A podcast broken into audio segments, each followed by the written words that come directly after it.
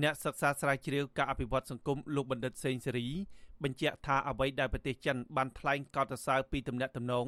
រវាងប្រទេសទាំងពីរគឺគ្មានអ្វីខុសទេប៉ុន្តែបើកម្ពុជារំភើបចិត្តខ្លាំងពេកជាមួយនឹងពាក្យការទូតបែបនេះនឹងធ្វើឲ្យកម្ពុជាកាន់តែផុងខ្លួនគិតតែទំនាក់ទំនងជាមួយនឹងប្រទេសចិនតែមួយដោយភ្លេចពីទំនាក់ទំនងជាមួយនឹងប្រទេសអ្នកកាន់លទ្ធិប្រជាធិបតេយ្យ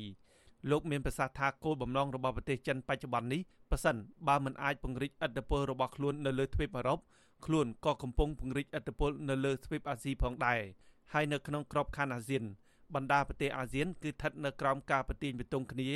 រវាងមហាអំណាចទាំងពីរគឺលោកសេរីនិងកុម្មុយនីស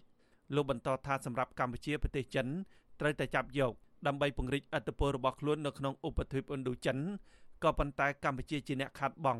ដោយសារតែសពថ្ងៃនេះធនធានរ៉ែនិងធនធានធម្មជាតិបានបាត់បង់ដោយសារតែការវិនិយោគខ្វះការទទួលខុសត្រូវពីក្រុមហ៊ុនចិនដល់ពេលនេះខ្ញុំមានអារម្មណ៍ថាប្រវត្តិសាស្ត្រហាក់ដូចជាត្រឡប់មកម្ដងទៀតក៏ប៉ុន្តែផលប៉ះពាល់យើងឃើញថាបានលេចចេញបដាបដាហើយគឺតកតងទៅនឹងរឿងការបាត់បង់ធនធានហើយ អ្វីដែលតាមពិតទៅអ្វីអ្វីដែលកម្ពុជាទទួលបានប្រយោជន៍គឺផលប្រយោជន៍ផ្នែកផ្នែកខាងហិរញ្ញវត្ថុពីចំពោះក្រមថ្នាក់ដឹកនាំកម្ពុជាកម្ពុជាក៏ប៉ុន្តែអ្វីដែលសំខាន់ហ្នឹងគឺចិនបានបឺតយកធនធានធម្មជាតិពីកម្ពុជាយកទៅបំពេញនៅដំណើរការការរីកចម្រើនរបស់ខ្លួនបាទកាលពីថ្ងៃទី29មិថុនាកន្លងទៅនេះគឺចំខួប100ឆ្នាំនៃការបង្កើតបកកុម្មុយនីសចិនហើយក៏ចំថ្ងៃខួបលើកទី70ឆ្នាំនៃការបង្កើតគណៈបកប្រជាជនកម្ពុជា ឯកអគ្គរដ្ឋទូតចិនប្រចាំប្រទេសកម្ពុជាលោកវ៉ាងវុនធាន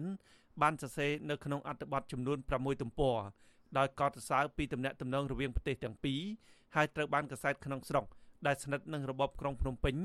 រួមទាំងក្រសួងព័ត៌មានផងយកទៅចុះផ្សាយប្រងព្រាតឯកអគ្គរដ្ឋទូតចិនប្រចាំប្រទេសកម្ពុជាលោកវ៉ាងវុនធាន បានបញ្ជាក់ថាទំនាក់ទំនងសតវត្សរវាងចិននិងកម្ពុជានេះបានមើលឃើញនៅមាគ៌ាអភិវឌ្ឍ ដែលសមស្របជាមួយនឹងស្ថានភាពរបស់ប្រទេសជាតិរបស់ខ្លួននិងស្ថិតនៅក្រោមការកសាងសហគមន៍វាសនារួមគ្នា ជួយគ្រប់គ្រងគ្នាទៅវិញទៅមកហើយសមិទ្ធផលដែលបានសម្រេចបាននឹងត្រូវចារទុកក្នុងប្រវត្តិសាស្ត្រដ៏ផូរផង់សម្រាប់មិត្តភាពរវាងចិននិងកម្ពុជា ទាំងនេះនឹងក្លាយទៅជាប្រវត្តិសាស្ត្រដ៏ល្បីរន្ទឺយ៉ាងអស្ចារ្យជាមិនខានអ្នកនាំពាក្យគណៈបកប្រជាជនកម្ពុជាលោកសុកអេសានមានប្រសាសន៍ថាដោយសារតែតំណែងទំនងទ្វេភាគី រវាងកម្ពុជានិងចិននេះធ្វើឲ្យកម្ពុជារីកចម្រើនស្ទើរគ្រប់វិស័យហើយមានផ្លូវជាតិខ្វាត់ខ្វែងដែលកើតចេញពីជំនួយរបស់ប្រទេសចិនលោកថាចំពោះការរិះគន់ថាក្រុមហ៊ុនចិនបានបំផ្លាញធនធានធម្មជាតិនោះប្រទេសណាក៏រងផលប៉ះពាល់ឲ្យតែមានការវិនិយោគលោកថាក្រុមហ៊ុនចិនមកវិនិយោគលើផ្នែកវិរិយអកិសនីបើមិនប៉ះពាល់បរិស្ថានតើធ្វើយ៉ាងម៉េចនឹងបានអកិសនីប្រាស្រ័យគឺ រឿងការកែច្នៃធនធានធម្មជាតិព្រៃឈើក្តីក៏ក្រោមដីក្តីវាត្រូវតែប៉ះពាល់ហើយក៏ប៉ុន្តែប៉ះពាល់គេថ្លឹងថ្លែងថាតើវាបានប្រយោជន៍នឹងវាច្រើនជាងអាប៉ះពាល់ឬមួយក៏ប៉ះពាល់នឹងវាលាយនេះអត់បានផលប្រយោជន៍អាហ្នឹងវាអញ្ចឹង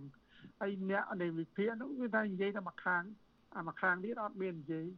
អំណាចអំណាងរបស់លោកសុកអេសាននេះខុសទៅនឹងអ្វីដែលប្រទេសលោកសេរីរដ្ឋាភិបាល និងក្រមអភិវឌ្ឍ តែងតែឲ្យតម្លៃទៅលើការអភិវឌ្ឍប្រកបទៅដោយការទទួលខុសត្រូវជាពិសេសទៅលើផលប៉ះពាល់បរិស្ថាន សង្គមនិងសេដ្ឋកិច្ចដោយមានការសិក្សាឲ្យបានត្រឹមត្រូវច្បាស់លាស់មុននឹងផ្ដល់ការអនុញ្ញាតឲ្យមានការអភិវឌ្ឍហើយរដ្ឋាភិបាលនៃប្រទេសទាំងនោះតែងតែគិតគូរនិងឲ្យតម្លៃខ្ពស់ទៅលើការអភិវឌ្ឍបៃតងជាជាងការសាងសង់ទំនប់វារីអគ្គិសនីដែលមានផលប៉ះពាល់ដល់បរិស្ថាន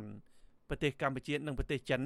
បានភ្ជាប់ទំនាក់ទំនងផ្លូវការផ្នែកការទូតកាលពីខែកក្កដាឆ្នាំ1958នៅពេលសម្ដេចព្រះបរមរតនកោដ្ឋនរោត្តមសីហនុ